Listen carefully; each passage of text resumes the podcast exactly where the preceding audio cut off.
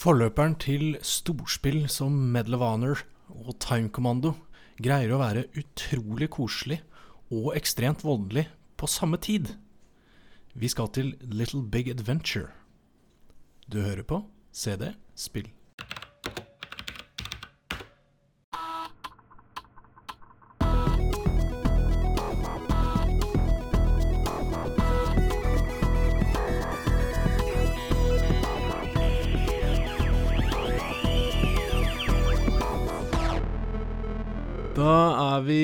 Endelig på god vei inn i den eh, gode, kalde, mørke tida, eller hva sangen heter. Eh, men det har ikke noe med ski å gjøre. Det er jo fordi da kan vi spille data mer og mer og mer, og det syns jeg er veldig deilig. Jeg heter eh, Sigve og er en helt midt på treet-gamer, men jeg har veldig mange gode minner fra alle de gode dataspillene i gamle dager, og det liker jeg å snakke om i denne podkasten CD-spill, og jeg har med meg min gode kompanjong og medgamer, Mr. Mammen. Eh, god aften til deg, Mr. Mammen. God aften, god aften, eh, gamle ørn. Åh, en gammel Det er lenge siden. Ja, det- Gammel ørn, den, den, den liker jeg. Den tar jeg med meg. Ja, Det kan jeg være. Du er gammel ørn. Min gamle ørn. I dag har jeg gjort uh, mer research enn jeg pleier å gjøre for et spill, for jeg har faktisk eh, brukt eh, 14 timer på å forberede meg til Little Big Adventure, og det, det er sånn ca. 14 ganger mer enn jeg pleier, tror jeg. Så, så her har jeg gjort grundig research. Men, um, men ikke nok med det. Vi har fått med oss en som er uh, like fan av meg, uh, som heter eh, Erik Fossum fra Pressfire. Er du med oss? God dag, god dag, Hei, er. Så hyggelig. Vi har satt litt. Ja, satellittoppkoblingen er eh, passe stabil for øyeblikket. Mm. um, ja, redaksjonssjef for Pressfire. Ja. Det er mye å Stemmer drive med der. ja, det er ikke sånn at uh, dataspill har gått av moten enda. Nei, vi prøver Altså, jeg jeg venter jo på at den faden der skal gi seg, selvfølgelig, men uh, Ja. Like før nå. Ja, den, Ja, den gir seg den, den blåser vel over samtidig med internett, eh, tenker jeg. Den dataspill-faden. Mm. jeg føler at hvis internett kollapser, så vil jo store deler av uh, dataspill overskyne. Godt poeng. Men um, ja, re som redaksjonssjef, hva, hva, er liksom, hva er forskjellen på en redaksjonssjef og en redaktør, bare for å ta det med en gang? Ja, altså, redaktøren havner i, redaktøren havner i fengsel. Uh, Ja. det, Stemmer det? Jeg, altså egentlig en litt sånn luretittel, fordi eh, redaksjonen vår er jo på to personer. Så å være sjef for det er, er ganske lett. Men vi har òg ja, vi har rundt 15 frilansere. Mm. Så det er jo mye av arbeidet å, koordinere med dem. Ja. Um, ikke så mye i disse dager som det eh, har brukt og vært. Litt fordi at det har vært et litt tregt år. ja. Eh, ikke så mange nye utgivelser osv. Og, og det er primært der vi bruker frilansere til å anmelde spill. Mm.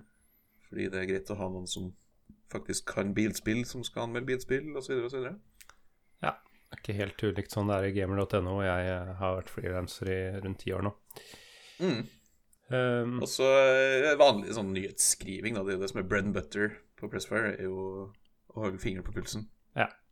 Jeg har, eh, jeg har også gjort litt eh, research eh, for denne episoden her, eh, og i, men ikke om spillet, men om, men om gjesten. Ok, Eh, wow. Dette er jo, yes. Oi, dette, så scary. dette er jo, det er jo Jeg vil jo si det er en slags kjendis. Det er en bransjemann. Så jeg ble jo nysgjerrig. Så kult. Og det jeg egentlig festa meg ved, eh, er jo at uh, du har eh, Du har startet uh, fyrtårnet i gamingverden uh, 1, 2, 3 spill. Uh, Ikke starta, men jeg tok over ansvaret for det. ja, OK.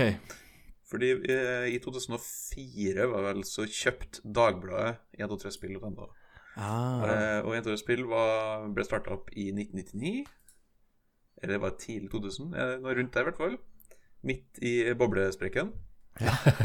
stemmer det. Eh, men gaming vet du, gaming overlever alt. Så det, det ble ikke så berørt. Men jeg var jo en del av eh, Dagbladet fra 2005. Vel, Mm. Da begynte jeg å skrive om spill i Dagbladet. Riktig. Og da var det daværende spillansvarlig der, Snorre Bryne, som eh, eh, lurte på om ikke jeg kunne ta ansvaret for 123 spill. Passe på at den sida var oppdatert. Eh, og at det var liksom noe fresht innhold der. Og Det var jo på en tid når det var helt sjukt mye sånn Flash-spill og Ja. Java-spill og alt mulig sånn rart på nett. Nå er jo ingenting av det som funker, fordi Flash er jo lagt ned. Mm. Eh, men da var det liksom Store deler av dagen da, var jo å sitte og spille. Eh, ofte huff og huff, dårlige, ass. uh, spill på nett. Eh, og så få det ut på NTR-spill. Og det var sjukt mange folk som brukte NTR-spill. Mm. Jeg tror vi var Vi hadde sånn 1,2 millioner brukere i Norge. Ja, Altså det, men det, det jeg, jeg tror både jeg og resten av Norge husker den siden. Eh, Ja. både, både hva skal jeg si, nerds, men også de som hadde storefri eh, på skolen. Har et nært, det. kjært forhold til 1-2-3-spill. Det var jo ikke blokkert på nettsida på skole-PC og sånn, så det var, Fritt fram, ja. det var mange som satt og spilte Mujafas BMW og sånn på, på skolen. Som er et av 13 spill som vi hosta på 1-2-spill. Kult. Som regel så gikk vi til eksterne partnere. Vi kan snakke om 1-2-spill egentlig i timevis. Ja, jeg. Ja, kanskje siden en, en sånn dresspill spesial kan vi, kan vi dra fram. Det er jo Det er, jo, det er jo helt i grenseland at det kan favnes favnes av, eh, av eh, rammene våre i Ja, denne podkasten. Men vi kan ta, en pra kan ta en prat om det off- off-episode, og se om vi kanskje har lyst til å ja, eh, ja, snakke om en sånn klassiker som 1-2-3-spill. For det, Hvis det begynner å bli det mer er, Dette er en minnepodkast. ja, tross Ja. Er det mer enn 20 år gammelt, så er det jo relevant, så. ja, det er jo ikke det. Og det er jo eh, morsomt å si at det er relevant hvis det er mer enn 20 år siden. Det, For oss. men eh, Heng litt etter, vi. da, Dagbladet kjøpte jo Pressfair i 2011.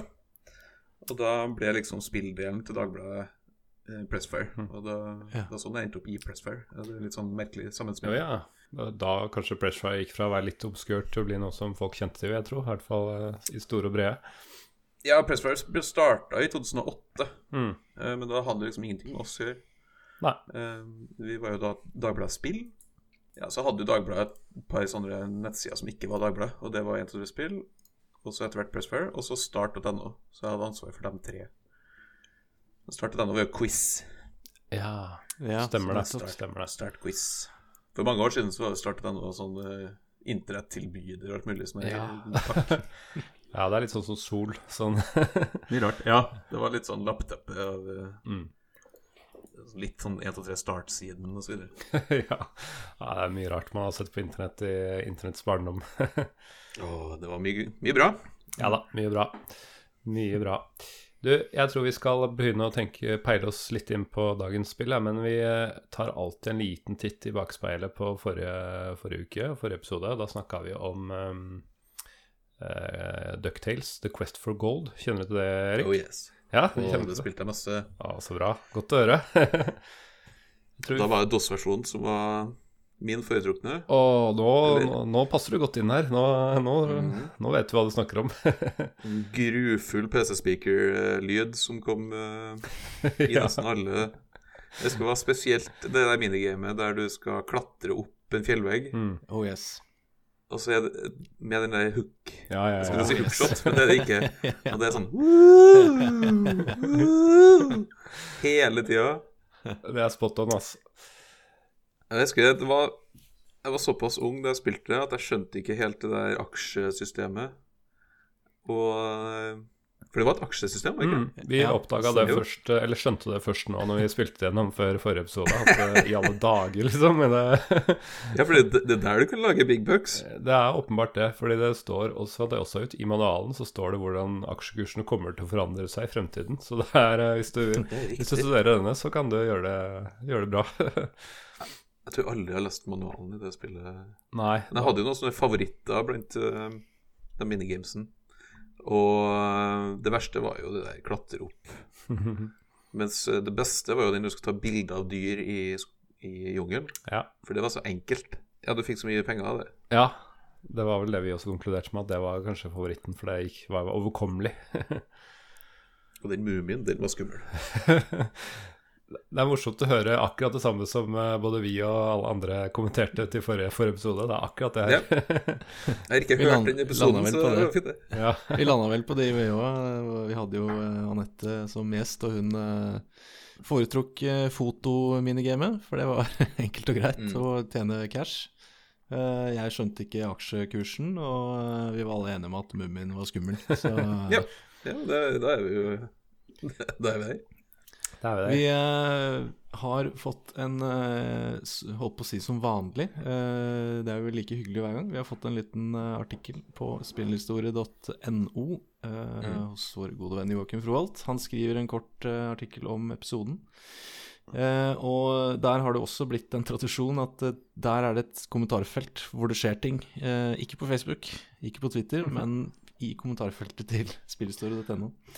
Så under artikkelen om uh, Ducktales-episoden vår, så er Kim inne en tur. Jeg er ganske sikker på at Kim har vært uh, i det kommentarfeltet kommentarfeltet Ja, før. det var et kjent navn, det. Hmm. Ja, eh, så takk for sist, Kim. Han sier vel kort og greit Jeg spilte dette veldig mye, men når jeg ser tilbake på det i dag, så er det ikke et spesielt bra spill. Prikk, prikk, prikk. Og det, Oh. det var vel kanskje det Kim vi kan skru av nå. Altså vi Eller jeg minnes vel at jeg kanskje landa litt på det. Eh, Mm. Jeg vet ikke hva du tenker, Eik, om det er, eh, er det spillbart i dag for deg? Uh, jeg- kan vi ikke høre på forrige episode? Jeg tror vi konkluderte med at det var litt, litt vanskelig å anbefale i dag. Men Fosum, vår gjest, hva, hva tenker du? Ville du funnet det fram i dag? Mm. Vi snakker om Ducktales fortsatt, ikke Ja, ja, sant? ja. Ikke Ja, ja, Little Big Adventure. Nei, nei, Fordi jeg, har jeg begynte å tenke Jeg har egentlig akkurat samme forhold til Little Big Adventure, nesten. eh. Eh, nei, eh, Ducktales er Jeg føler jo at det liksom er lillebroren av Ducktales-spill på Ja. mange måter. Eh, det, det, er- det er et rart spill. En rar Det er det. samling med, Mm. med minigames. Og ikke alle minigames er særlig Altså, det er ingen av dem som er bra. Nei. der, Der har vi vel eh, konklusjon, konklusjonen. eh, Det er et forvirrende og merkelig spill. Eh, Faktisk vil jeg si at det som kanskje har holdt seg best, er når du skal fly til minigamen. Det er litt Ja, det kan- skummelt. Kan være enig, eh, selv om jeg syns det var sabla vanskelig. Men ja, det er litt, det er litt morsomt. Eh, Og så kan kan du. Du kan bade i pengebingen, og det er jo gøy, da. Ja. Hmm. Jeg tror du kan Men- finne sånn, sånn en mynt og sånt i den, hvis du Ja, jeg tror det er et sånn random element. Så det, hvis du Ja. hopper fem ganger, så kanskje du er heldig og får 5000 cash eller et eller annet. Da, da lander jeg på at det er ikke Det ikke verdt å spille. Nei, Ja, bra. tror vi tror jeg samstemte. Jeg må også Men i- da irettesette meg selv litt, grann, fordi jeg kom jo med litt fake news eh, forrige, forrige, forrige gang. Ai, ai, ai, ai. Oi. Jeg sa, eh, for jeg leste på Wikipedia, og det står der fortsatt for øvrig, at eh, det er en remake på gang som skal være i 3D, og der kan man spille med Donald Duck. Og det skal komme til Switch og Apple Arcade og iOS og alt mulig rart. Eh, det, kan jo ikke garantere at det ikke skjer, men jeg har prøvd å google og finne noen screenshots og finne noe mer info enn den Wikipedia-artikkelen, og I don't get it. Jeg finner ikke det. Jeg finner ikke bevis for at det kommer en remake av det. Så um, kan selvfølgelig hende at det bare er én i hele verden som har fått med seg nyheten, og den har skrevet inn på Wikipedia, men jeg mistenker at uh, her har jeg gått fem på at noen har uh, uh, vært litt kreativ på Wikipedia-siden til uh, Quest for Gold. Jeg har aldri hørt om den remaken heller, så det, Nei, da ligger... ligger tror jeg er bambus. Ja, ellers ligger Pressfire langt bak med nyhetsformidlinga Men... Ja, det gjør vi ofte. Det gjør vi ofte. ja. Nei, men Som uh, vanlig så har ikke vi fått med oss noe. jeg stoler på at du, du plukker det opp om, om det skulle vise seg å komme, så Ja, ja. får vi lese på Pressfire i fremtiden. Ok, er vi klare for å hoppe inn i dagens spill? Vi Oh yes. skal til 1994, eh, året med Lillehammer-OL, eh, som vi husker her på berget. Mm. Det er Eh, alltid Lillehammer- Lillehammer-OL som trekkes frem. ja, men det er ingen annet ting jeg vet som skjedde i 1994 enn at det var Lillehammer-OL. det er letteste på 90-tallet å stadfeste er 1994 for å være OL.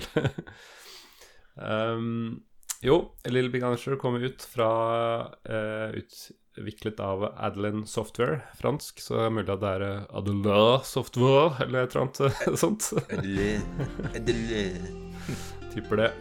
Eh, og så er det våre gode venner i eh, Electronic Arts som har Uff, utgitt det.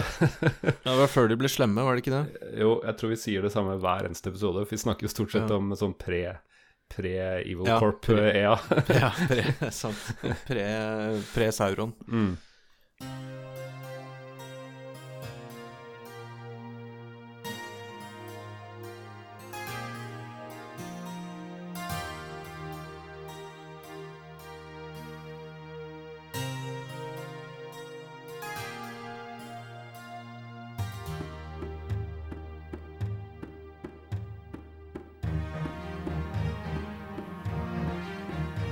Det er jo en god miks av sjangere.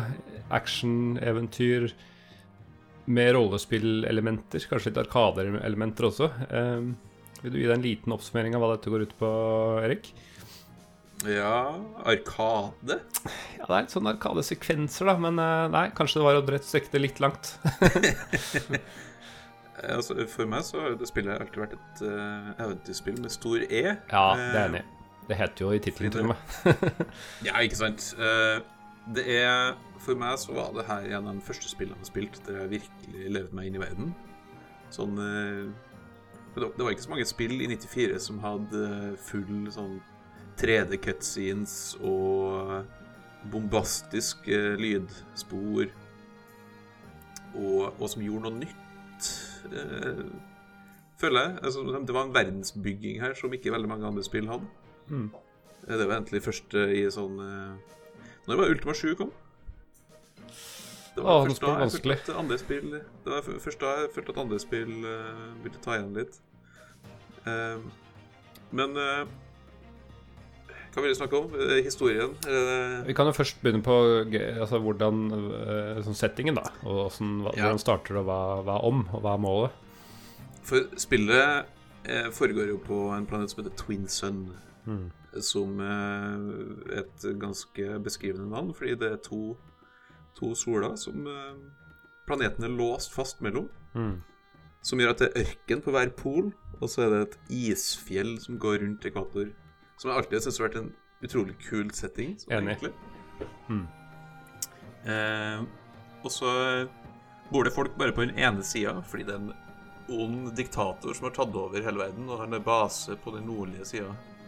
Eh, og han har eh, Fordi han har perfeksjonert to teknologier som har gjort at han kunne ta over hele kloden. Og det er kloning. Så det er egentlig Clone Wars. Mm. Det sp han nå. Og så er teleportering. Så han teleporterte bare en haug kloner inn i alle verdens land, og så tok over. Og det er jo en måte å gjøre det på, hvis man har lyst til å ta over verden. Det er en effektiv måte, det. Har, får, vi noe, får vi noe grunn til at han skal ta over hele verden? Eller er det bare sånn generelt sånn det vanlige? You know, det er det vanlige. because. Ja. Det er det vanlige, men det krydres jo litt av Han heter Dr. Funfrock, som jeg veldig har skjønt. Et, eh, ja, kjempeskummelt navn. Er Jeg har alltid kalt den for Funfrog. ja, ja.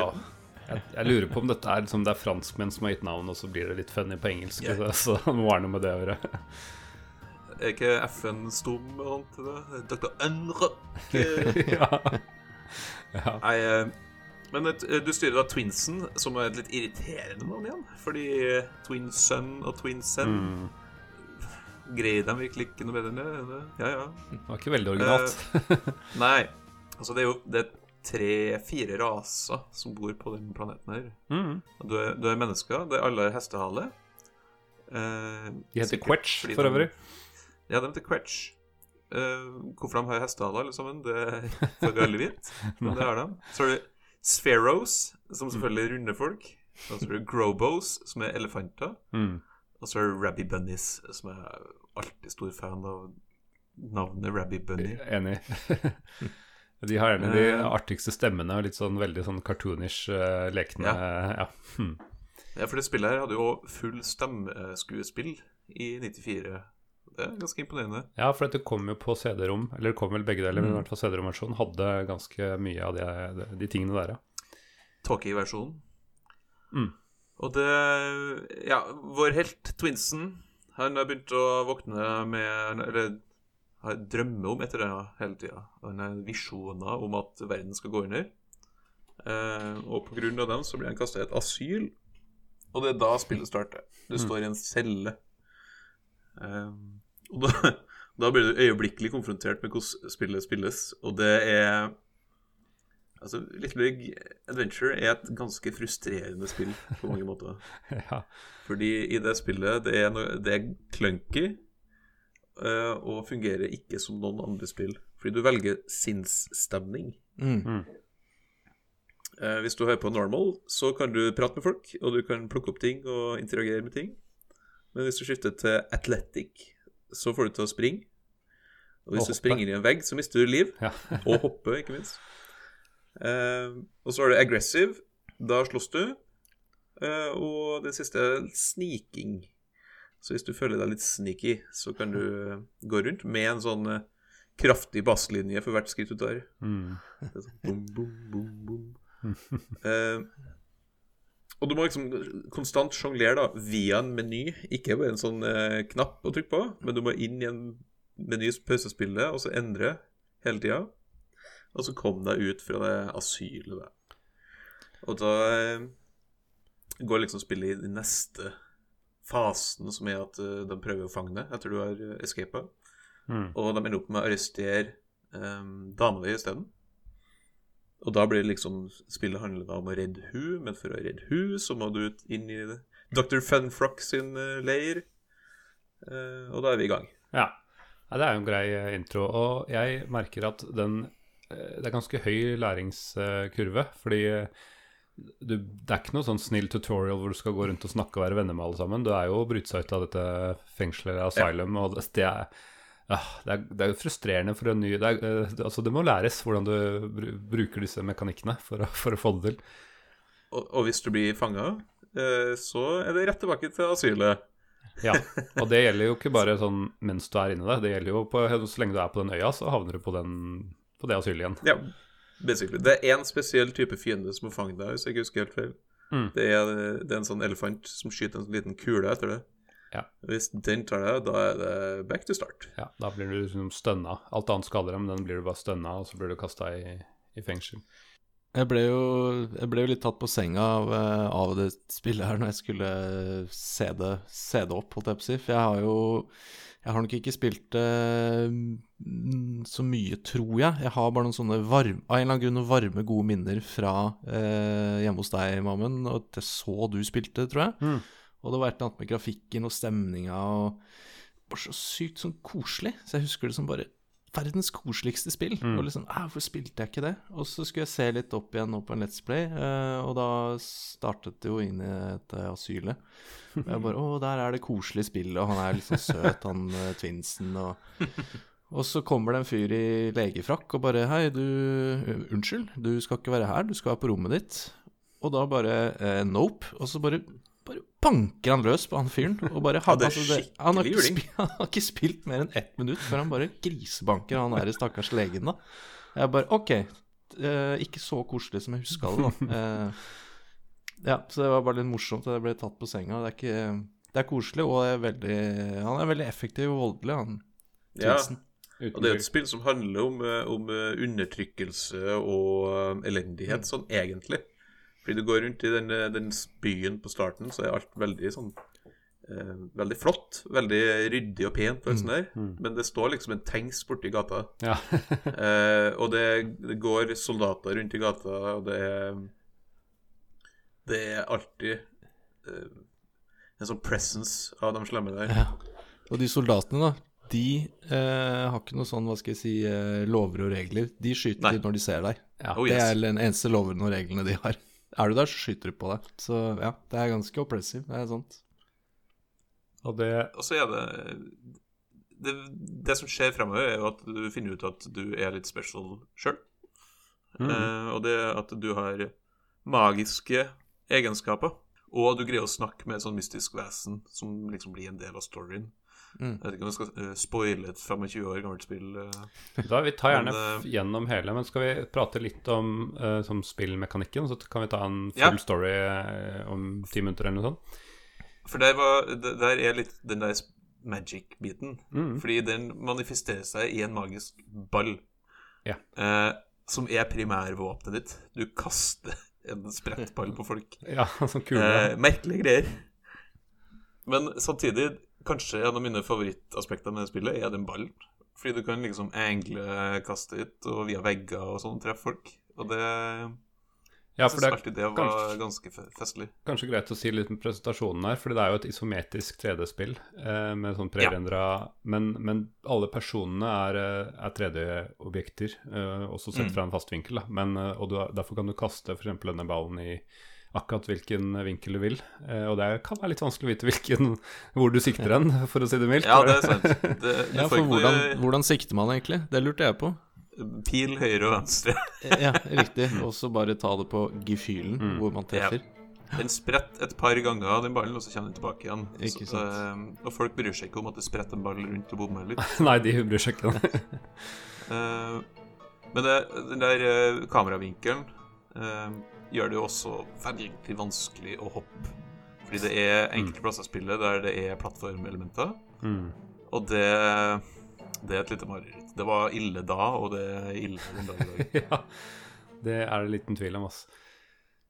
Um, og så er det jo en sånn manasystem også, um, som jeg Ja.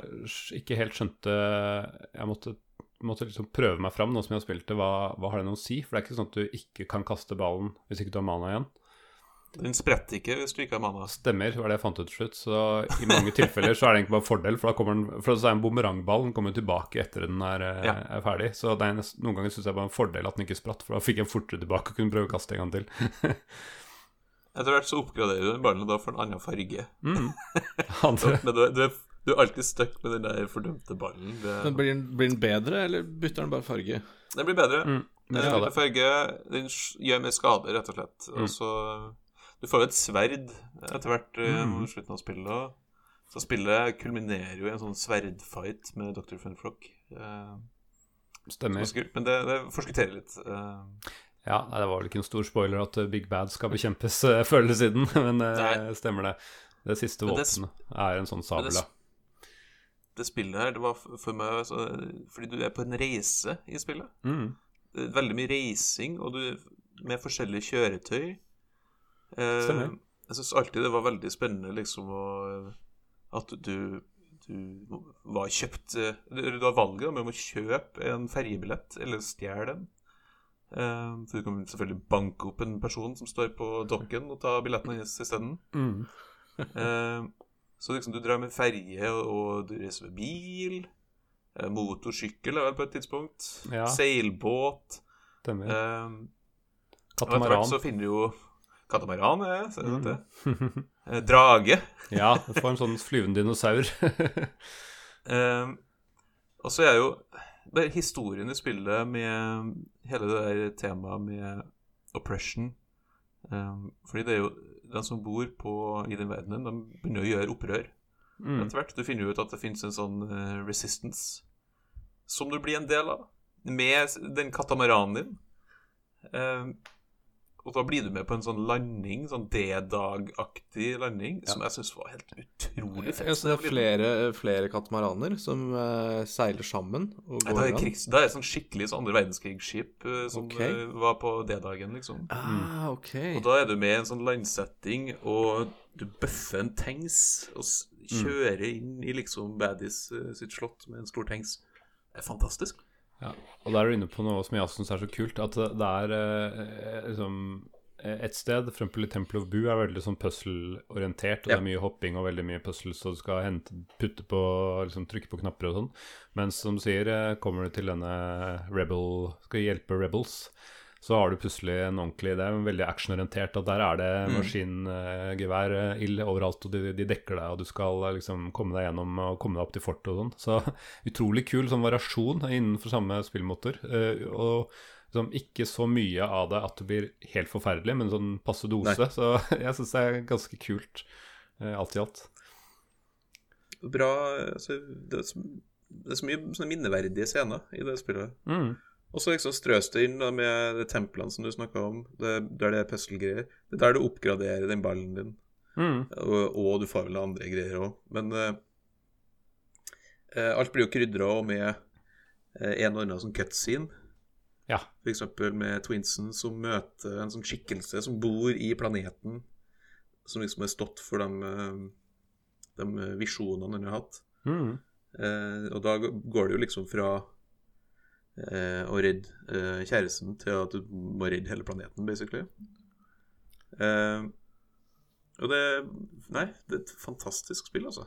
Ja, altså jeg har jo, Her har jeg gått glipp av noe, fordi jeg huska det som sagt som et sånt koselig spill hvor du går og prater med folk, som er jo hyggelig, det, men kanskje ikke det som fenger meg mest. Men Jesus, jeg har gått glipp av kjørespill, krigsspill, strategispill eh, og alt eh, Og med 3D-modellering av figurer og kjøretøy. Mm. Jeg, jeg, jeg missed out. I tillegg så er det også at du går rundt og snakker med folk masse. Ja da. Ja, Eh, det, det så jeg også svar. Og det Veldig mye av den verdensbygginga går jo på at du prater med folk og får høre om ting som skjer rundt omkring i verden. Eh, for du besøker ikke alle de øyene som, er, som eksisterer. Eh, men det er Altså, det er full voice acting, Mm. eh, og det er ganske mye å utforske. Det er mye mange hus og sånn du ikke trenger å innom, egentlig. Men Ja. hvis du gjør det, så kan du få ekstra liv, f.eks. Mm. Eh, så det, det, er, det er et ganske gjennomført spill. Det er ikke så langt som jeg kanskje husker fra da jeg var liten. Eh, og så er puzzlesen veldig litt sånn ja, banal. Det er sånn det Den Ja. bilen her trenger bensin. Hvor Ja. finner bensin? ja. Og så er det litt eh, grinding innimellom som jeg syns var litt slitsomt nå. At eh, du kan kjøpe en katamaran, Ja. men den koster 200 cashes, og da du får liksom fem og fem i omgangen hvis du leter i noen søppeldunker og sånn, så det, akkurat den delen var litt slitsom. Gjennom alle søppeldunker, inn i et hus, gå ut Mm. igjen så det resetter, og så gå gjennom søppeldunkene en gang til. Ja. Det er ganske mye sånn også. Mm. Men jeg må jo, må jo spørre, spørre deg, Mr. Mamen, som er eh, kneppet mer tålmodig enn meg og alltid har vært det. Uh, all denne pratingen Jeg kjenner jo at uh, Jeg er ikke sikker på om jeg hadde stått i det. Uh, men du er litt mer tålmodig og litt mer utforskende. Hvordan opplevde du all denne pratinga? Det var På 90-tallet så husker jeg syntes det var så kult, fordi det var så de, stemmene var så levende, og det var sånn tegn cartoonish og det veldig sånn, sånn. Og så jeg vet at veldig mange andre har kritisert det nettopp for det, for de syns det liksom virker så barnslig. og det virker så... Men jeg syns det var en Altså, jeg skjønner det mer nå enn jeg gjorde på 90-tallet, men, eh, men jeg syns det var en viktig del av atmosfæren å få den uh, Rabbit Bunnies som bare var veldig sånn energisk og, og, og litt sånn Snakker sånn her! Ja, det, helt sånn, ja. Randamann! ja. Ja, for det, for det skal de ha, da. Det, det jeg hørte av de nå på når jeg titta på det Jeg syns jo faktisk det er god voice acting. For det, det er mye rart der ute, men det, de, de gjør det gjennomført og bra. Det er cartoonish, og det er liksom Det er bra voice acting. Det er, jeg syns alltid det var så gøy, fordi den tekstboksen er dynamisk. Den holder seg ikke liksom i én størrelse, og så blar du mye til høyre og venstre. Nei, den dekker hele skjermen din, hvis det er masse som skal sies. ja. Bare sånn fylle opp fullscreen med tekst. Enkelt og greit. Ja, det var eh, ikke så høy, høy oppløsning, så jeg måtte bruke den plassen man hadde. Det skal jo også sies at eh, da jeg spilte på min 486 eh, for, lenge, lenge siden, så hadde jeg jo en helt annen, et helt annet forhold til spill enn jeg har i dag. Mm. Um, altså, man blir jo mer utålmodig i dag. Eh, Ja. Ja. Og på den tida så var det sånn Jeg har ett spill å, å spille. Jeg har ingen andre spill å spille. Og da går det helt fint at det, at det, at det dukker opp tekst over hele skjermen. Jeg eh, også tror at eh, det mest slitsomme var Det var ikke liksom de puzzles som sier 'finn bensin', men det var den eh, 'hva skal du gjøre nå?'-type ting. Nå, eh, jeg trenger ja. Jeg skal finne en eller annen pirat uh, Subquest skal finne et eller annet ledetråd En nøk ja, pirat har en eh, nøkkel. Hvor, hvor finner jeg det? Så blir det sånn eh, prøv på Jeg har hørt at det er noen i mm, byen borti her som kanskje vet det. Spør liksom Tavern Master Ja. der, og så sier han ja, men hør på biblioteket, og så, og så blir du bare leda masse fram og tilbake. Ofte er det bare sånn vilkårlig snakking med folk for å vite hva som er neste ting, og noen av de puslene er også veldig sånn uh, Sånn som du, På et tidspunkt skal du skaffe en gitar til en sånn band eh, som spiller band. og da, åssen får man det? Jo, man går ut i jungelen Nei, jungelen, sier jeg. Ut i, mm, i ørkenen, og så skal du, bytte, skal du gi fra deg fløyta di til en eller annen som Ja. sitter der. Og da får du en space guitar tilbake. Det er sånn veldig merkelig Veldig merkelig logikk. Det er en sånn point and click-logikk her. eh, Prøv alt med alle ting, Absolutt. og så Ja. kanskje det funker. Men det, det er ingen Quest-list, og det er ingen eh, Nei. Det hintet må du tilbake til han piraten for å få høre igjen. eh. ja. Jeg gjorde to ting nå. Først så, så, øh, så tok jeg um, bilder med telefonen min hvis jeg, hvis jeg møtte sånn wall of text, sånn at jeg kunne finne tilbake igjen hvis jeg skjønte at her er det noe jeg kommer til å trenge senere. Uh, og så må jeg innrømme at jeg uh, så litt på noen guider, for jeg orka ikke så mye backtracking på vilkårlig tidspunkt, så jeg ville ha litt sånn strømlinjeforma rekkefølge jeg besøkte øyer og sånn på. Så ja. Litt, litt, eh, litt juks måtte jeg bruke for å komme gjennom den nå. Så i gamle dager så, så var det rett og slett bare å gå i en slags eh, tett, tett sikksakk-mønster over hele verden og bare try trykke på ting. Og, Ja. og Den verdenen er ikke ikke så stor som du kanskje tror. eh. Nei. Nei, selv om det er en hel planet, så er det, så er det liksom Ja. ganske fort, da. Men det er jo fortsatt tid, da. Komme fra nordlig til en sydlig halvkule og tilbake, f.eks. Det her er jo et Det her er jo det første spillet til Adeline Ja. Software, ikke det? Og det, så det var et ganske lite team som jobba med det. Men en annen ting som er fantastisk med spillet, er jo musikken. ja, fy Det er jo eh, komponert av eh, Hva heter han? Filip Philip uh, Wackey eller Wachi eller jeg vet ikke. Nå- Ja, riktig. Filip Wachi, vi, vi sier det. Vi Han hører det. ikke på likevel, så vi kan butche uttalen. Og det, det lydsporet er magnificent.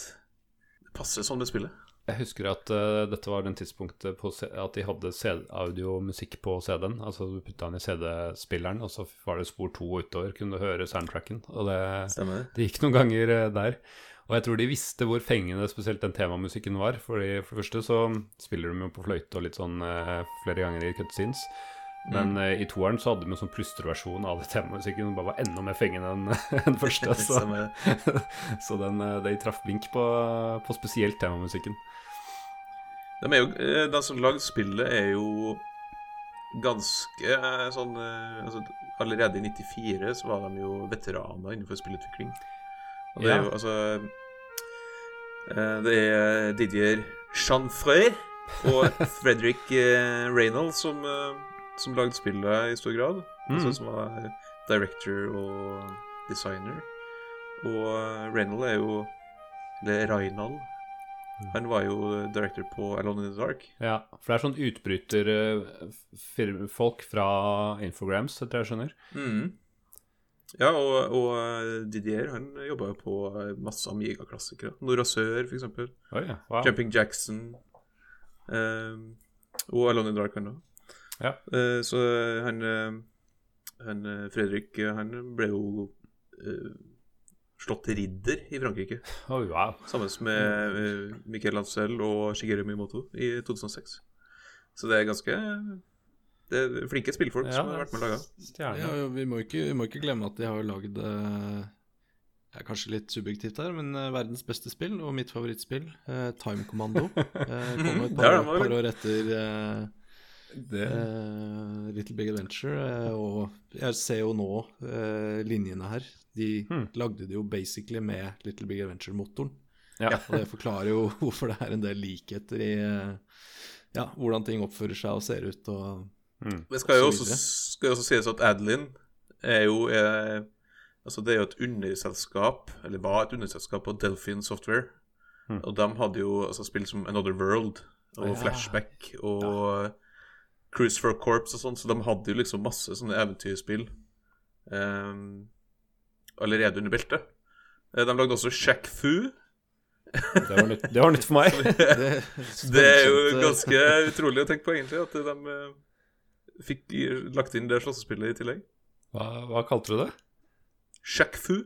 Det er, Altså, Det er Så- Shaq- Shaquille O'Neal-slåssespillet. Ja, for jeg Som tenkte er så er det legendarisk Shaquille?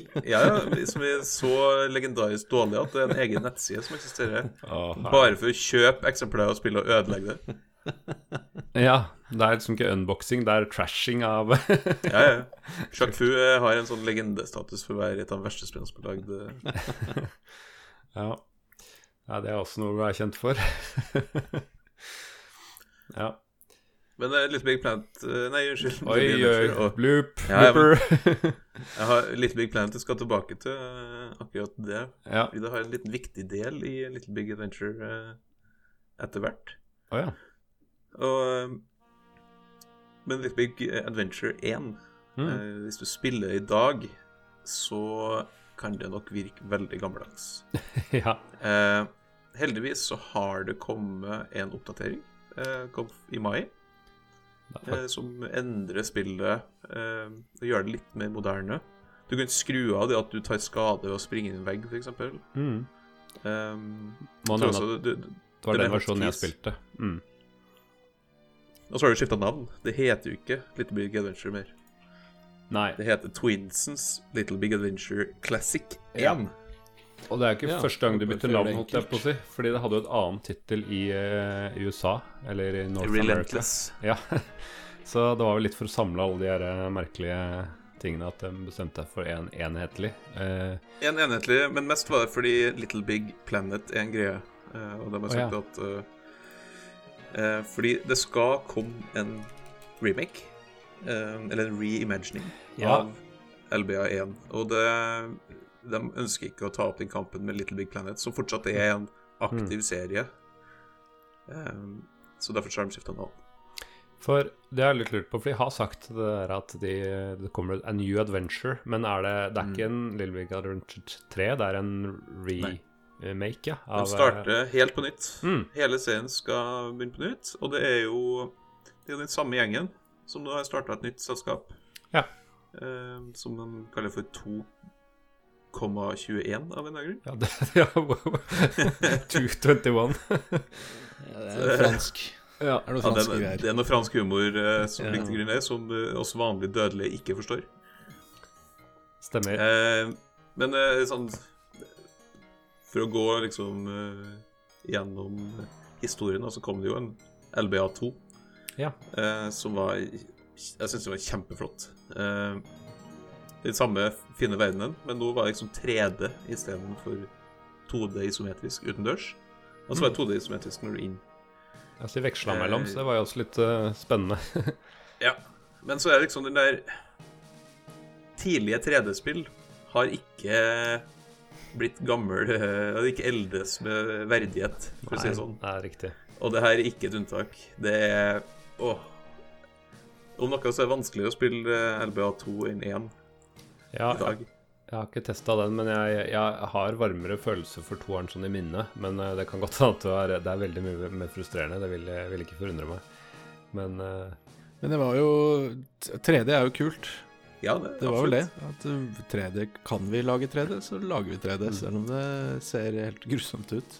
Det her kom jo i 97, og det hadde jo begynt å komme 3D-spill som eh, Som ikke var helt grufullt å se på på den tida. Men akkurat LBA2 eh, Det var ikke noe looker, altså. nei. Det var det ikke. Det, De har egentlig ikke noe unnskyldning. men Nei. det jeg husker de hadde lært av LPA2, var at de hadde mye mykere start. At det ikke var så brutalt vanskelig. At det Ja. var veldig sånn Det var veldig sånn snill, snilt og godt, og det var bare noen få farer her og der. Ikke sånn brutalt regime som bare ville drepe deg overalt på hele øya. Nei, fordi LBA2 er en litt sånn weird start, fordi det, du har jo redda verden, og alt er jo fint og flott. Ja, for det ender med Eh, happy ending, egentlig, etter eneren. Ja, eh, virkelig happy ending, fordi kona blir jo gravid. Eh, og er jo gravid i starten av toeren. mm. Så det er jo liksom sånn Alt virker å være på stell for twinsen. Og det er mm, Plutselig så kommer det noen aliens. Som er sånn Hallo, vi er aliens fra Ja. naboplaneten. Uh, og vi er snille. Her er masse teknologi We og come in ting og peace. tang. Ja. Spoilers. They did not come in peace. ja, ikke sant? Oh no. Nei, nå ble jeg overrasket. Ja Bare vent til å kanskje hvem som er sistebossen. Da blir du overraska, da. Ja, Det er sikkert noen nye som jeg ikke har sett før. Ja. Det er sikkert ingen som returnerer, i hvert fall. Nei, overhodet ikke. Nei. Men serien den eh, lå jo da død i 25 år eh, etter LBA2, basically. Mm. Selv om det ble lansert Det kom ut på GOG, og det kom ut på Steam. Det kom det en versjon på US og Android, Mm. um, som ikke solgte bra i det hele tatt. Nei. Uh, og da var jeg liksom Da lå jeg brakk. For da var jeg liksom sånn OK, Little Big Adventure det er en serie som ingen egentlig har lyst på. Og det var jo til en viss grad sant. Altså Det solgte ikke kjempebra, uh, den Nei. serien. Men det har en kultstatus, ass. Det er ganske Det har jo over tid, og nå, altså i disse dager så er jo kultstatus mer enn nok det til å gjenopplive ting. Ja, det er sant.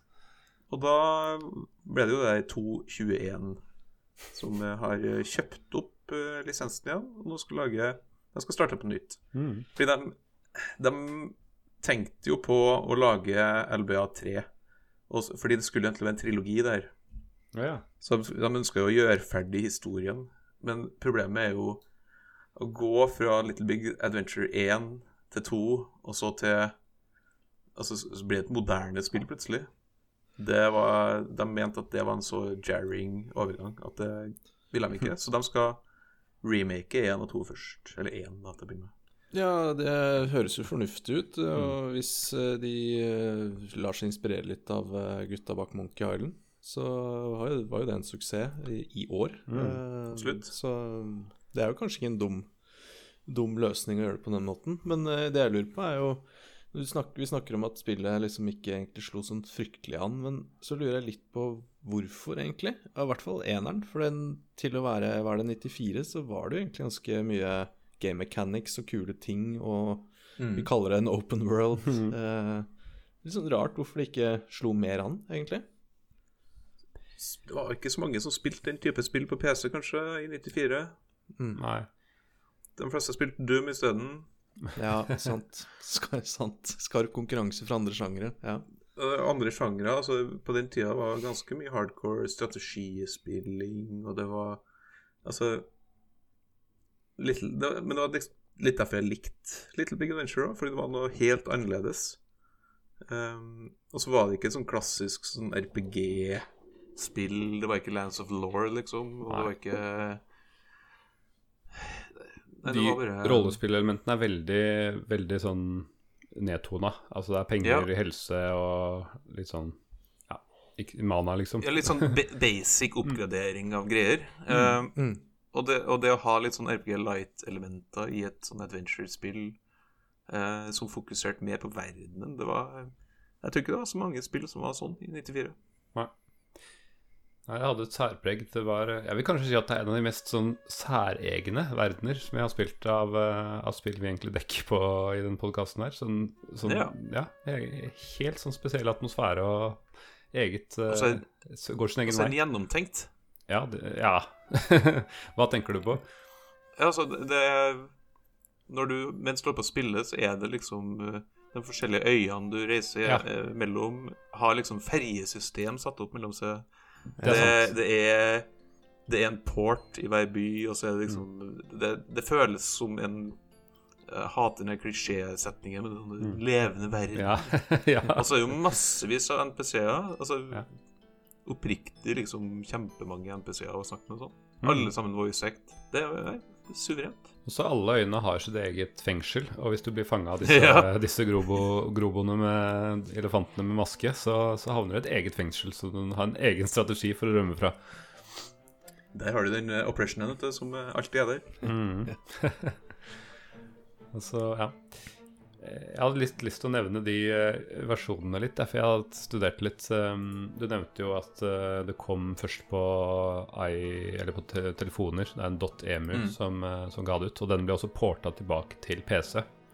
Ja, Eh, og den hadde en del fordeler. Eh, blant annet så hadde den alt eh, på en skjerm, da, sånn helse og sånn informasjon eh, i toppbaren. Ja, Ja. for du, du har ikke noe stats eh, Jo. når du spiller originalen. Jo, du må trykke på Eller- kontroll eller alt eller et annet sånt for å komme inn på en sånn, Ja. sånn modusskjerm hvor du ser sånne Ja. ting. Ikke sant. Ikke så veldig oversiktlig.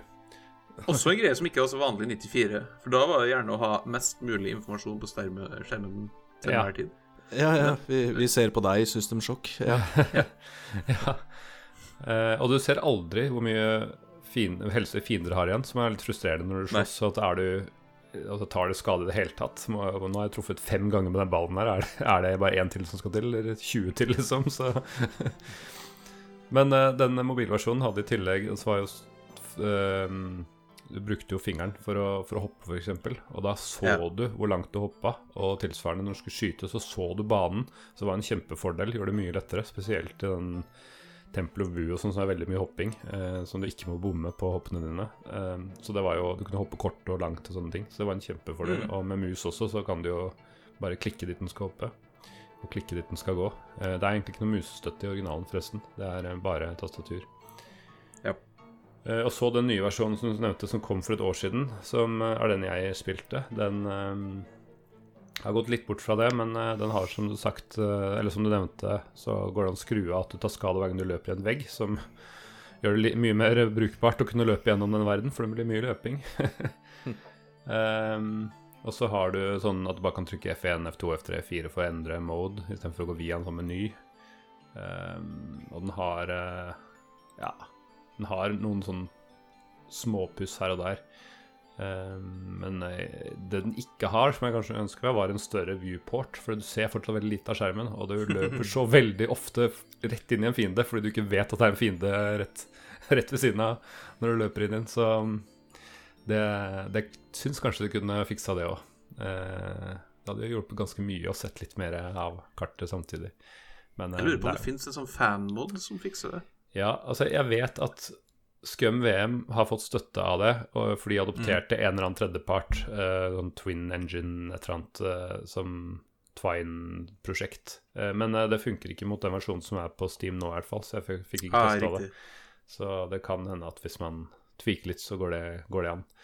For det hadde Du kan jo selvfølgelig si at det hadde blitt for lett, men jeg hadde satt veldig pris på det uansett. For det er ikke en rettferdig måte å gjøre det vanskelig på. At du, at du gjør tabber fordi du ja, ikke ser skjermen. Det er bare irriterende. I dagens spilldesign, i hvert fall. Ja, jeg er helt enig i det. Og, det. og det spillet her er ikke vanskelig fordi det er godt balansert eller noe sånt. Det er vanskelig fordi eh, det mekanisk er vanskelig. Ja, ja det er riktig. Å og treffe riktige vinkler og sånn. noe Ja, ikke sant. Og det er ikke noe som jeg tror folk i dag setter veldig pris på hvis de ikke har spilt det spillet her før. Altså, jeg ser for meg en eh, Ja, hvis en eh, tolvåring skal sette seg ned og spille LBA1 i dag, da blir det mye tenners gnissel og ønske om å spille noe annet. Ja, det tror jeg nesten er straff og ikke belønning å få lov til å spille det her i Du kan velge mellom å gjøre lekser eller spille det her. Det er ikke helt overbevist om at det hadde blitt det her, faktisk. Men, eh, Men det er et fantastisk spill. Lover det. Ja Lover at det er et bra spill. Det er kjempebra. En annen ting jeg merker, er at det bryter den fjerde veggen eh, ganske mange ganger. Eh, Ja, du er jo en sånn narrator ja, det har du jo. som narrater spillet men spillet, han snakker jo direkte til spilleren ofte. Ja. Og så er det jo helt absurd. Du, havner en, eh, du finner en alv innestengt i en eller annen uh, hule. Og så sier han sånn herre Ja, det var ikke meningen at jeg skulle være i spillet. Jeg ble bare, derfor ble jeg plassert bak denne muren her, for at ingen skulle finne meg. Og så tror du at det er inside joke, men han gir deg en sånn veldig viktig kort som du trenger senere i spillet. Så det er liksom Ja, det er en del sånne rare ting som, eh, som dukker opp. Det er et rart spill. Det er jo en del rare ting, ja. I hvert fall eneren.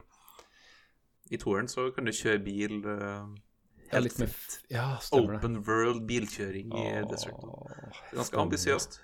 I et vakkert eh, 3D-landskap. ja, det Svært vakkert. mm. Og det spillet, altså sånn tidlig 3D-grafikkspill, kunne jo også gå i stykker ganske lett. Så den Ja. bilen den kunne du få opp Den kunne få opp på plasser der den ikke skulle komme seg opp, og at den satte seg fast og sånn. Og det Det er mareritt. hmm. Men ok, kanskje vi har kommet langt nok til at skal vi gå gjennom hele historien på LBA nå, fra, fra liksom begynnelse til slutt? Du, Jeg føler at vi har Har vi ikke gjort det? jo, men jeg tenkte sånn som en, som en story, da. Bare sånn å si hvordan eh, klarer helten og, eller twinsen å komme seg til, til mål? Har du liksom lyst til å liksom, sømme opp plot points, eller føler du at du har vært gjennom det meste? Jeg føler jeg har vært gjennom det meste som jeg husker på, i hvert fall. Så du kan fylle inn resten, egentlig. Ja.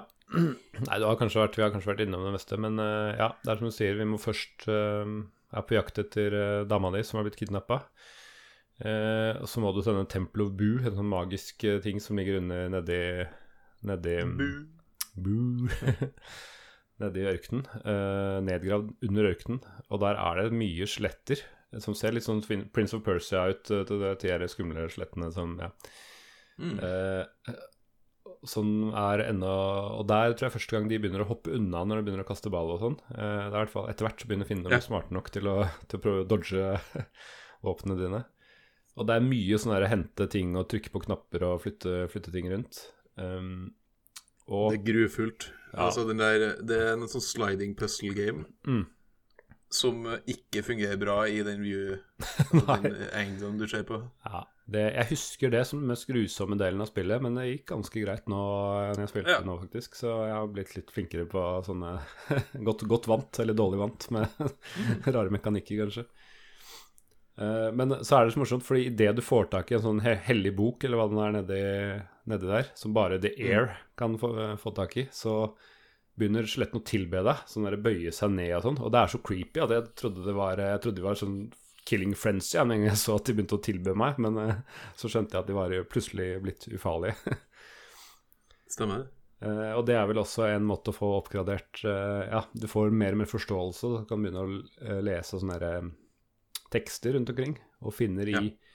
kjelleren på huset ditt at uh, du er the air, um, som da er den eneste som The kan redde verden. The ja. Ikke Neo. Neo, ja. Ja. Ja. ikke klisjé i det hele tatt.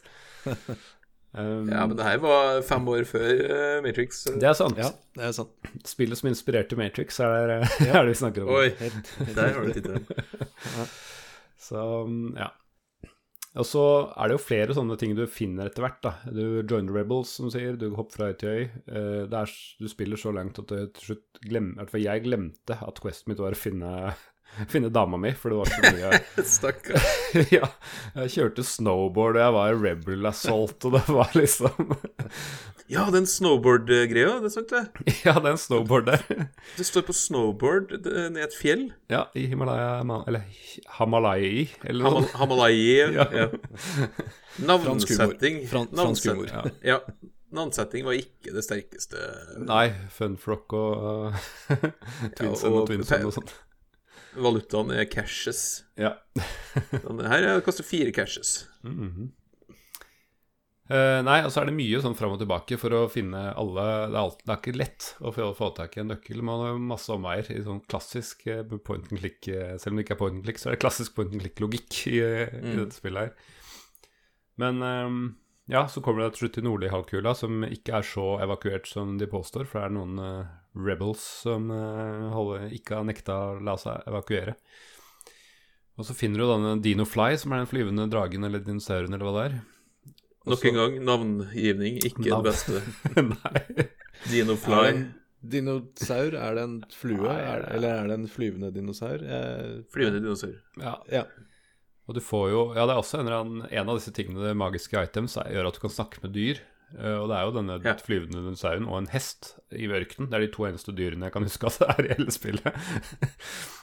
Eh, Til tross for at du utforsker hele verden, så er dette de to eneste dyrene i hele spillet. Det er et godt poeng, egentlig. Det har jeg ikke tenkt på. Det er sånn logikk som når du er, når du er yngre, så tenker du ikke over sånt. Nei. Uh, ja. Nei, men så du finner jo til slutt det, liksom, The Well of Sendal, da, som er, er oppe på nordlige polare eller halvkule, som, som han Dr. Funfrog prøver å bore seg inn i, for det er nemlig forsegla med et seil som bare The Chosen One kan, eh, kan komme inn i. Um, og da er det jo en loose screen som gjør hvis Funfrog kommer til først, eh, da, da ser du at verden sprenger, som, eh, eller kloden sprenger, som er egentlig det som er eh, marerittet som, som man drømmer om i starten. Eller så, ved motsatt fall, som du nevnte, er jo da at vi kommer og ser disse sendals, som er litt sånn gudelignende vesener, kan jeg si det? Sånn, Jeg vil jo si det. Altså, det er Ja. sjela til planeten eller et eller annet sånt der. eh, og de Men de har jo åpenbart magiske egenskaper. Ja, de har noen magiske over, overmenneskelige egenskaper. Overkvetske egenskaper. Ja. som, eh, som gjør at eh, liksom, de kan kommunisere med twinsen og sånn. Og da mm, har du redda dem, og da sier de at dette er et Jeg skjønte ikke det før jeg leste nå, men eh, hvis jeg skjønte riktig, så er planeten på en måte svanger. Eh, at, den er, at det skal utvikle seg nå. I løpet av noen centuries så kommer det til å bli noe. Så åpenbart så er det kanskje et levende Det er litt sånn Gaia, altså et levende jord. i et levende At twinsen Ja. er en organisme, da. Så det er litt Twinsun. Jeg lurer, på om det, jeg lurer på om det kanskje var noe som skulle utforskes litt i LBA3. Så skulle- det skulle være den avsluttende, Ja, det gir jo det avsluttende kapitlet. Mm. Eh, nå må vi jo jobbe Altså sammen to remakes først. sequel-baiting, liksom? Ja. Ja, Ja, nice. Det gikk an før, det. det gikk Ja, an. det var lov, det, var lov, det før. Mm. Er det i LBA2 eller 1 at hele greia er en berg-og-dal-bane? Det er vel 2, det. Eh, det er den, ja, eh, stemmer. Hele det Holy Temple of Boo og innsida av jorda sånn, én en diger berg-og-dal-bane. Ja, det er blitt uh, fornøyelsespark. Why not? ja. Men er ikke det klassiske? At man uh, Amerikansk kultur bare gjør om alt til uh, Big Better og Ja, ja, happy ending. mm. Final Fantasy X2 gjør det sammen med Sanderken, så uh, egentlig så inspir- inspirerte jo spillet her Final Fantasy. Fy søren. Det her har jo stått for mye, altså. ja. Hvis vi trekker det litt tilbake til uh, Alone in the Dark, så ser du at det er ganske det er mye likhetstrekk. Altså det er litt bedre polygon count her, men det er liksom fastsatte vinkler med Ok, det er helt isometrisk her, da, eh, og det er ikke så skummelt, men, eh, men det er liksom litt av det samme spillmekanikken. Og er jo eventyrpreg på Around the Dark også, selv om det er definitivt med skrekk. Jeg leste også at eh, Electronic Arts ville jo gjerne, som publisher ville jo gjerne at, et, at han, eh, helten skulle være mer bad guy.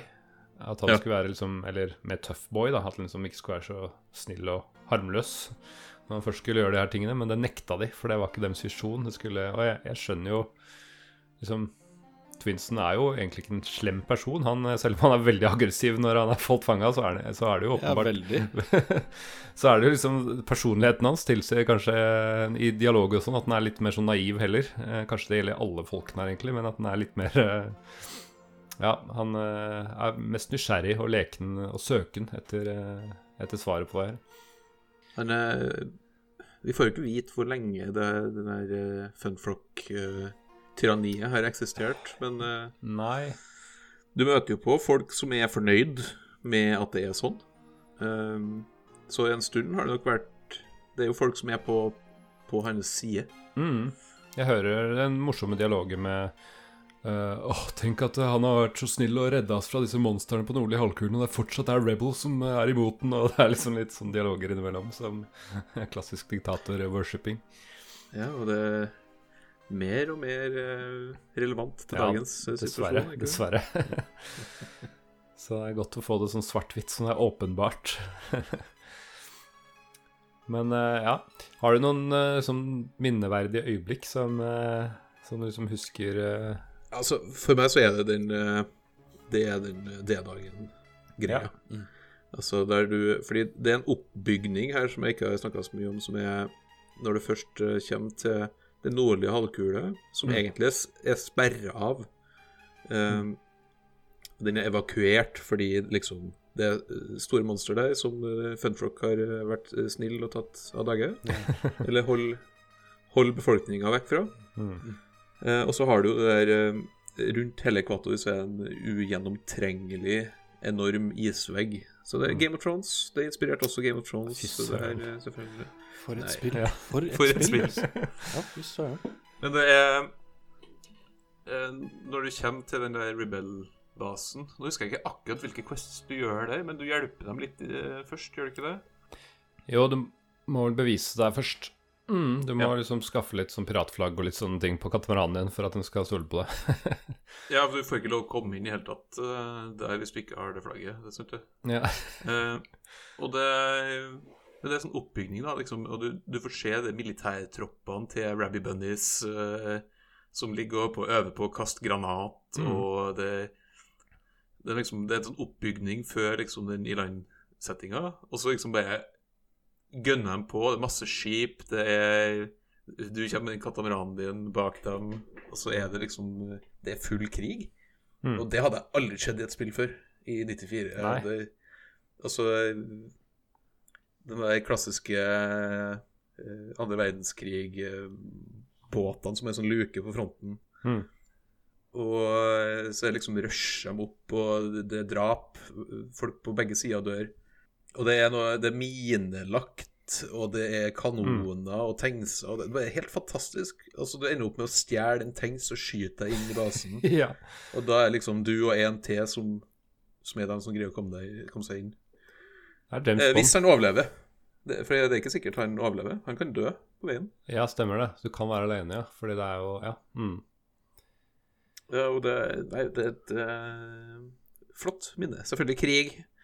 Krig som fester seg i eh, hjernebarken til en uh, ung gutt. Mm. Men det var, nei, det var fett.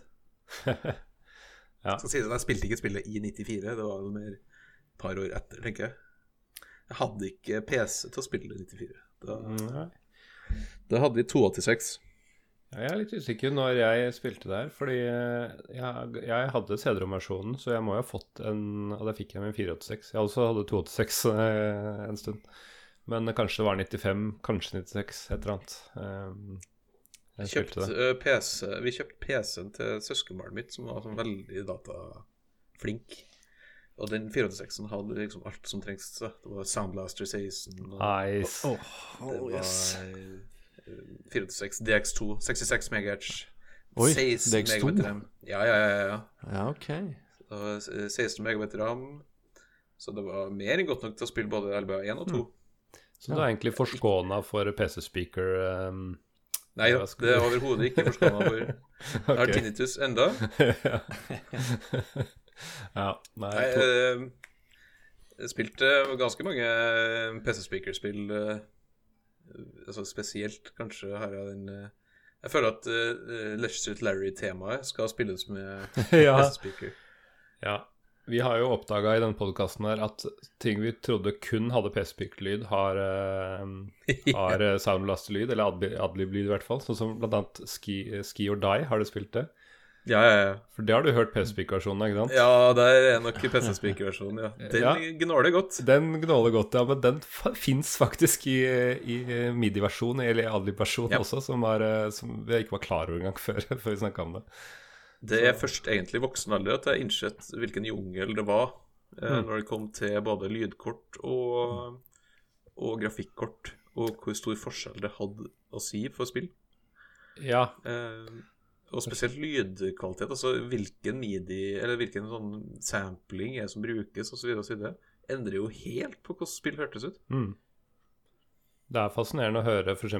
la oss si Monkey Island-tema, som er ganske kjent. og Det finnes jo sånne YouTube-videoer hvor du sammenligner sånne åtte forskjellige lydkort og lydsystemer. og bare altså Det er jo herlig å høre en god godlåt på mange forskjellige måter, så jeg, jeg koser meg med sånne, sånne samples.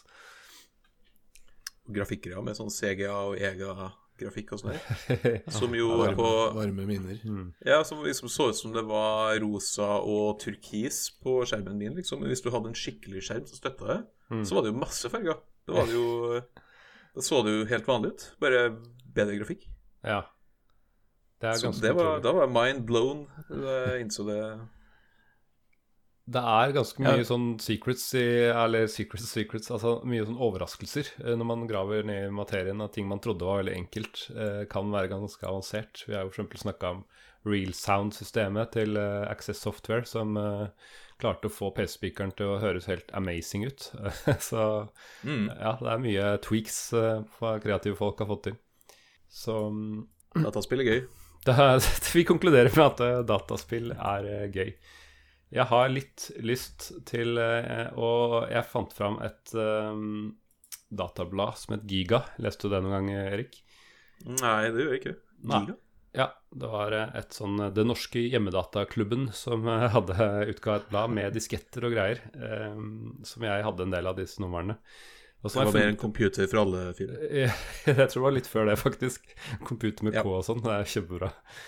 Men jeg fant dette nummeret som de anmeldte Little Big Adventure. Eh, så jeg titta litt på, mm, på noen høydepunkter her som jeg, som jeg tittet. For det, dette var et virkelig stornummer. Eh, her testa de faktisk ganske mange spill vi har prata om. Eh, One Must Fall, det var jo første episoden vår. Om, Mm. Eh, Warcraft, store det hadde de om. Race of the Tried eh, testa de. Ja. Little Big Adventure og Can Fodder 2. Eh, Ja. Og Magic Carpet det har vi ikke tatt ennå, men det testa de. Og et spill som heter Retribution. Jeg kan ikke si jeg har hørt om engang, men eh, det, det sto også på forsiden her. Uh, og her var det jo vedleggsdisketter med ekstra ikonpakker og mye rart. og det var annonser for uh, CD-rommer til 2500, og det, det, er, Oh, det er så morsomt. Og her står det om Frontier First Encounters, som også er oppfølgeren til Frontier Elite 2. det er eh, sånn test om shareware-spill. Altså, de tester shareware-spill. Hvorfor vet jeg ikke, men hvorfor ikke bare gi det bort? og det er kurs, og det er Nei, det er så mye rart. Og tydeligvis, da. Det er en egen side her som heter Smak og behag. For åpenbart så er det noen som har irritert seg over en splash screen til Windows. Eh, Jeg kan ikke huske at jeg gjorde det, men det er tydeligvis en ting. For det er en hel side som dedikerer hvordan man kan bli kvitt Altså Nå snakker vi Windows 3.11 her. Hvordan du kan eh, for ja. bytte ut den logoen. Så i stedet for at det står Windows 3.11, står det Windows 4.0 f.eks. Så kan du skryte av til oi, oi. alle kompisene dine at du har eh, Det kunne du sikkert get away with på det tidspunktet der i, i noen år. Og de har en hvordan lage et Snake-spill i Visual Basic med kildekode og alt du skal taste inn, og instruksjoner og, og greier. Eh, litt av en jobb, egentlig, for å få spilt det, men det gikk man vel med på. Eh, de har en Det var jo vanlig fra C64-tida, det. Ja, ja, men dette er 90 Dette var faktisk februar 95, da, så de var litt på etterskudd på, på dette spillet òg. De har en hel side om Excalibur BBS, som uh, handler om hvordan man kommer seg på denne BBS-tjenesten. to sider til og med. Men uh, høydepunktet mitt det kom på side 32 uh, med overskriften 'Elektronisk post'. Oi, hva er det for noe spennende? Ja, Noe av det første som du kommer borti som bruker av internett, er elektronisk post, eh, eller såkalt e-mail, e-post. Oi. Denne artikkelen vil ta for seg litt om nettopp dette emnet. Jeg skal ikke lese hele artikkelen, jeg skal lese en, et avsnitt, for dette, dette er morsomt. Eh, hvordan e-post eh, fungerer, er eh, overskriften. Eh, I dag er e-post enkel i bruk. Jeg vet ikke åssen det var før, men samme det. Dersom man f.eks. skal sende en liten beskjed, bruker man som regel eh, en vanlig teksteditor og klikker på noen taster for å sende beskjeden.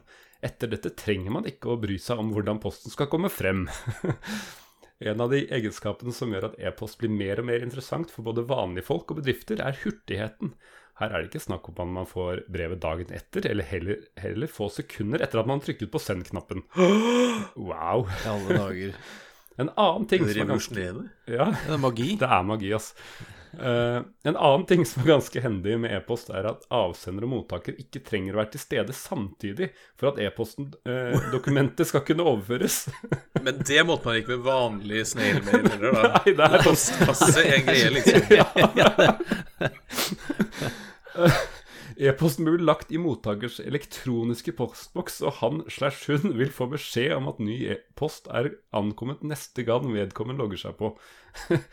Wow. Eh, De finnes en del forskjellige ekstra nyttefunksjoner når man bruker e-post, bl.a. funksjoner som vi kjenner fra vanlige posttjenester. Dersom du skal sende e-post rekommandert, vil du ikke få tilbakesendt posten dersom den ikke kom frem, men heller få en kvittering om når meldingen er kommet frem, eller om den har blitt lest av mottakeren. Den funksjonen tror jeg ikke funker så godt lenger, for å si det sånn. Nei, for det. hva, skal jeg, hvilke, hva er det jeg skal vedlegge en uh, e-mail som gjør at den skal være rekommandert? Uh, Nei, men du, du kan jo i dag fortsatt uh, be om lesebekreftelse. Men det er jo ingen som har det det. skrudd på, fordi det er jo Det er sånn altså, spam protection er å ha det Ja, av. det er det. Ja. Eh, Men hva er nedslagsfeltet til Giga, egentlig? Det høres jo Hva var det, dataklubb Nei, Norsk Dataklubb, eller noe Ja, sånt? noe sånt. Det høres jo ut som dette er en klubb for de som ikke var datanerds, kanskje? Ja, de som det var vel var nysgjerrig på dette nye digitale Denne arbeidsmaskinen. Ja. Elektroniske arbeidsmaskinen. Jeg syns også det morsomste er på siste, helt på slutten her. Så st står det tips om noen interessante e-postadresser. Og så, det her er jo trykka av noen e-postadresser. og da kan man sende til eh, billg at microsoft.com. Så til Bill Gates. Nei, nei, nei. Man kan til, sende til Steve B at microsoft.com, som går til Steve Walmer. Eller man kan sende til President of USA, altså president at whitehouse.gov. Det er de tre postadressene de har valgt å skrive, Det er den kuleste. som man kan ta. Ja, ja. Og det beste er nesten her at det står dersom det er noen spørsmål om e-post og internett, eller internett generelt, er det bare å sende brev til Giga, postboks 266. Der er vi rundt. 1950 Der er vi rundt. Merk konvolutten internett. Og ikke rekommandert. Nei. Jeg husker jeg leste i et uh, magasin i uh, I uh, 1890, når telefonen begynte å komme. Da var jeg sånn, står bakerst og sånn eh, Hei, noen telefonnummer du kan prøve. Ja, For en dårlig idé. ja fy. Stortinget. Kongen, ja. 0001, 0002 Ja. Nei, det er eh, Det var eh, Ja. Så det er bare å sende en, en brev til Nesoddtangen hvis du lurer på noe om internett. Det, de svarer helt sikkert. Ja. Vi har holdt på en stund. Skal vi sjekke om det har kommet noen eh, innlegg på Facebook før vi tar vår eh, konklusjon til slutt, om det har holdt seg og slike ting? Eh, La oss- La oss sjekke. syns jeg vi skal gjøre.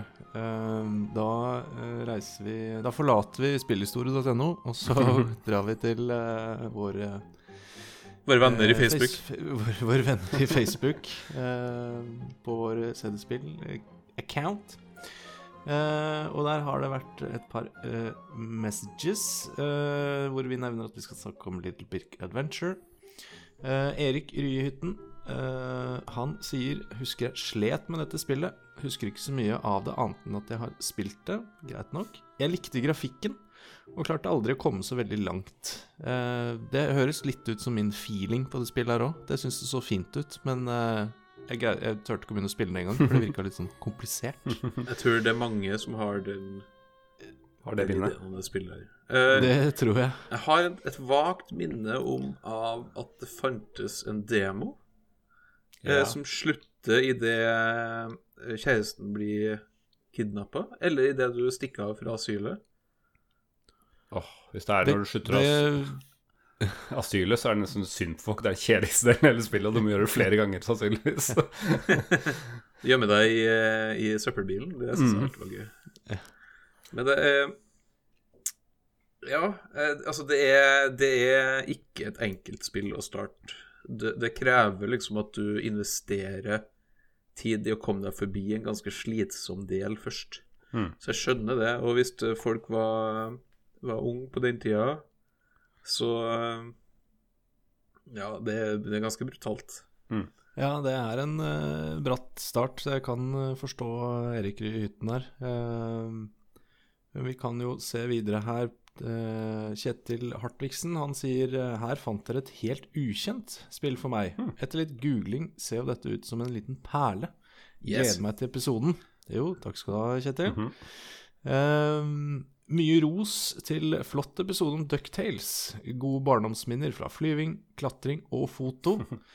Eh, det var vel eh, de tre vi nevnte innledningsvis her, eh, Erik. Eh, jeg minnes at spillet hadde datidens HD-grafikk og Dolby Atmos-lyd på Amigaen. Ja, der er vi på Amiga igjen, men det har vi jo bare gjort for fred med. Ja. At det, det slipper ikke unna. Sånn må det bli. Altså, jeg, har, jeg har jo også spilt det på Amiga, og det, det er jo et annerledes spill, nesten.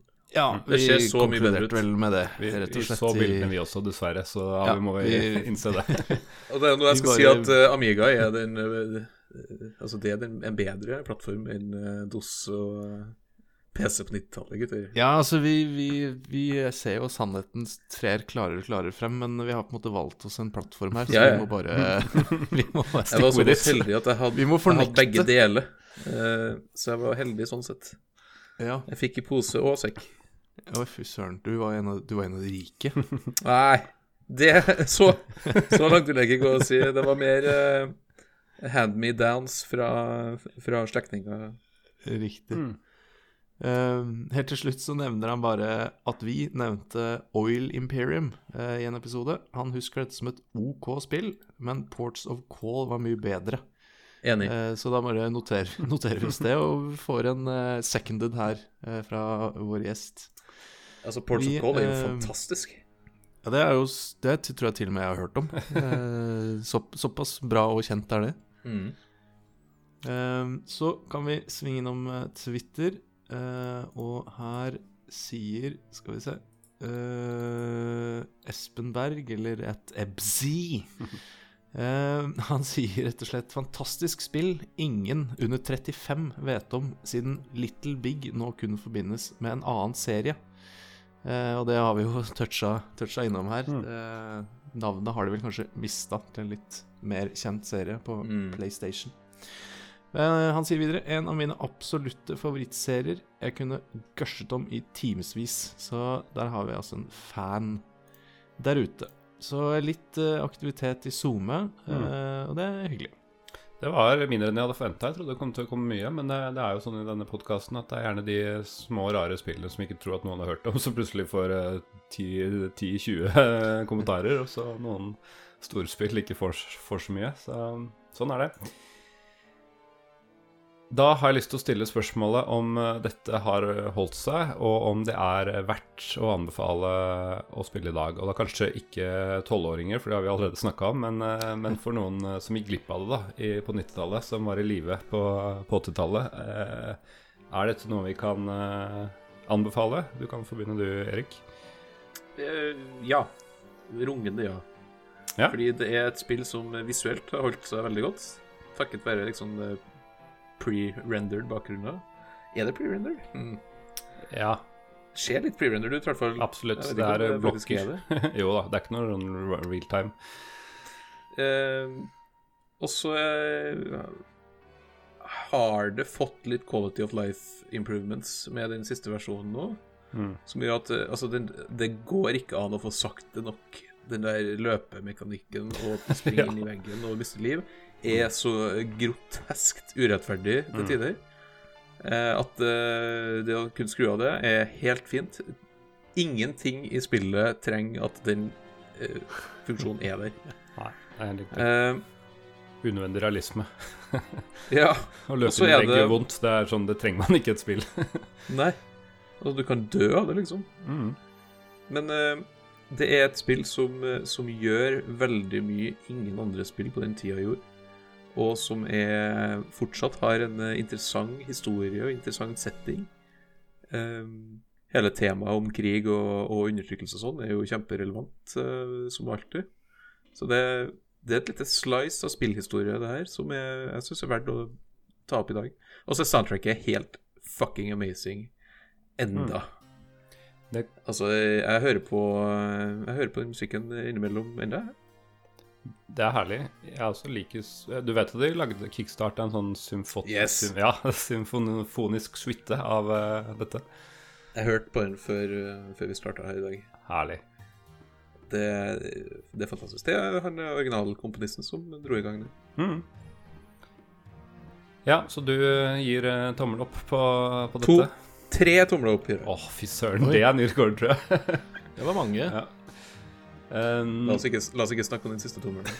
Nei, ikke s- hvor den kommer fra. Jeg kan jo, eh, som en som ikke da har eh, spilt det egentlig, så kan jeg gi eh, en liten sånn outside look da, Mm. før eh, Mammen eh, avslutter med sin vurdering. Jeg, jeg gir det et eh, Jeg gir det et rungende tja. Eh, jeg har skjønt at det har vært noen Call to life improvements i disse re-releasene. Men um, for meg blir det Det er, det er litt sånn engasjerende og litt spennende story og veldig sjarmerende grafikk, men eh, det For en som ikke har nostalgipåsan med seg, så blir Mm. det litt sånn tja Mm. fra meg. Sorry, sorry, altså. nei, Ja, det er feil, men eh, det er greit. Ja. Ser den, ser den feilaktige Da har vi én stemme igjen, da. Ja. Så får vi se. Eller nå har du tre tomler, da. Skal vi se. Ja, vi får se hva, hva mammen sier. Ja. Nei, jeg er jo selvfølgelig helt enig i at det skulle hatt enda mer quality of life improvements enn det det er. Sånn som jeg nevnte, større viewport, og det er flere andre fortsatt irriterende elementer. Eh, det blir jo Det er et rart save-system her som ikke har nevnt. Sånn, sånn autosave som du ikke skjønner at funker, og er, ja, du får game over screen, men du kan fortsatt fortsette, og du kan kopiere save games på en sånn merkelig måte, og det er, my det er mye rart. Men eh, og det er veldig frustrerende å bli kasta i fengsel på nytt og på nytt og på nytt fordi du ikke skjønner et eller annet banalt. At du kan snike deg bak en eller annen elefantmann eller et eller annet sånt noe. Eh, men jeg, som sagt, jeg spilte gjennom hele. Brukte ca. 14 timer med litt guide. eh, og jeg gjorde det jo selvfølgelig pga. nostalgien og herlig musikk og gode minner. Eh, og så vet jeg med meg selv at jeg tror ikke jeg kommer til å spille igjen 14 timer noen gang i mitt liv. Så det var litt sånn at hvis jeg skal gjøre det en gang til før jeg dør, så må det bli før denne episoden. Så litt sånn selvpålagt tvang var det. Men nei, jeg kan i hvert fall si at med nostalgien i boks og litt god porsjon tålmodighet, så var det verdt det. Eh, og jeg syns eh, Altså totalt sett så er det herlig med selv om man må leve med en del irritasjonsmomenter og eh, tidvis vanskelige eh, Altså vanskelige fiender og, og puzzles og sånn, så Nei, jeg liker det. Jeg, jeg må si jeg Ja, jeg syns det har Jeg jeg vil i hvert fall anbefale for noen som, eh, som er liksom eh, barna De som lytterne av vår podkast, tror jeg vi kan konkludere med at de sannsynligvis er, er Det er for dem. Det vil jeg si. Så en, en og en halv tommel opp, eller to og en halv? Nei, la meg si eh, en og en halv tommel opp, da. Ja, men da er det jo faktisk fire og en halv tommel opp. Ja, det er ikke verst. Så da er det jo Da bør du som lytter, eh, som har litt nostalgi i kroppen, check it out. Mm. Do it. Do it, ja. Skal vi lette litt på sløret hva vi skal snakke om i neste episode? f- Før vi avslutter, Sigve? Det skal vi. Vi skal uh, langt tilbake i tid, og vi skal uh, til en hva skal jeg si, sjanger som passer litt bedre til min utålmodighet. Eh, vi skal til storspillet Frogger i neste episode. Det tror det er det eldste spillet jeg har snakka om. Det er tidlig 80-tall, ass. Ok, ja, men dette er kult. Dette, det er til og med Erik eh, rykka litt i Ja, jeg gleder meg til å høre hvor, hvor mye saft dere greier å klemme ut av en stein der. ja. Det spørs om det blir halvannen time da, men uh, vi får se hvor lenge vi holder på. Noen korte episoder kan vi jo unne oss innimellom. Tusen hjertelig, Erik eh, Fossum, for at du tok, eh, tok deg tiden. Uh, veldig Takk for at du fikk ha deg på besøk. Sier vi bare ha det bra. Ha det! Ha det bra.